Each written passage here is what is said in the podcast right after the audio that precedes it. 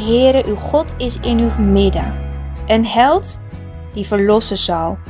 Hij zal zich over u verheugen met blijdschap. Hij zal zwijgen in zijn liefde. Hij zal zich over u verblijden met gejuich. Het is een prachtig vers uit Sefanja 3 vers 17. De kleine profeten onder wie Sefanja hebben een grote boodschap gebracht. En die boodschap is belangrijk, want de profetie is destijds niet voortgebracht door de wil van een mens, maar door heilige mensen van God, door de Heilige Geest gedreven. Zij hebben gesproken. Sefania. Ook hij waarschuwt. Hij heeft geen mooie boodschap. Sefania waarschuwt de bevolking van Juda en Jeruzalem voor de dag van de Here. Het klinkt nogal dreigend. Wat bedoelt hij met die uitdrukking? Hij bedoelt dat God gaat ingrijpen en wel op twee manieren. In de eerste plaats zal de Heere iedereen straffen die niet luistert naar zijn woord. Hij stuurt vijandelijke legers en vreselijke plagen op en af. En daarom zal hij nog iets doen. De mensen zegenen die zich bekeren en hem liefhebben. Zij mogen door hem een nieuw begin maken.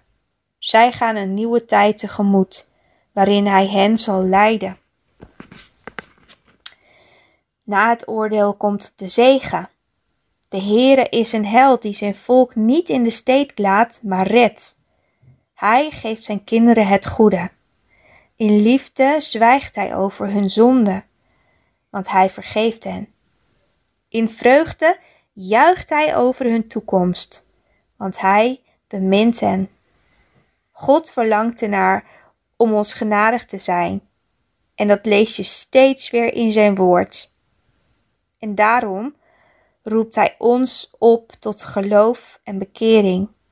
Want in die weg komen en blijven wij bij Hem. En Hij, stil van verwondering, kijkt Hij naar jou en kijkt Hij naar mij.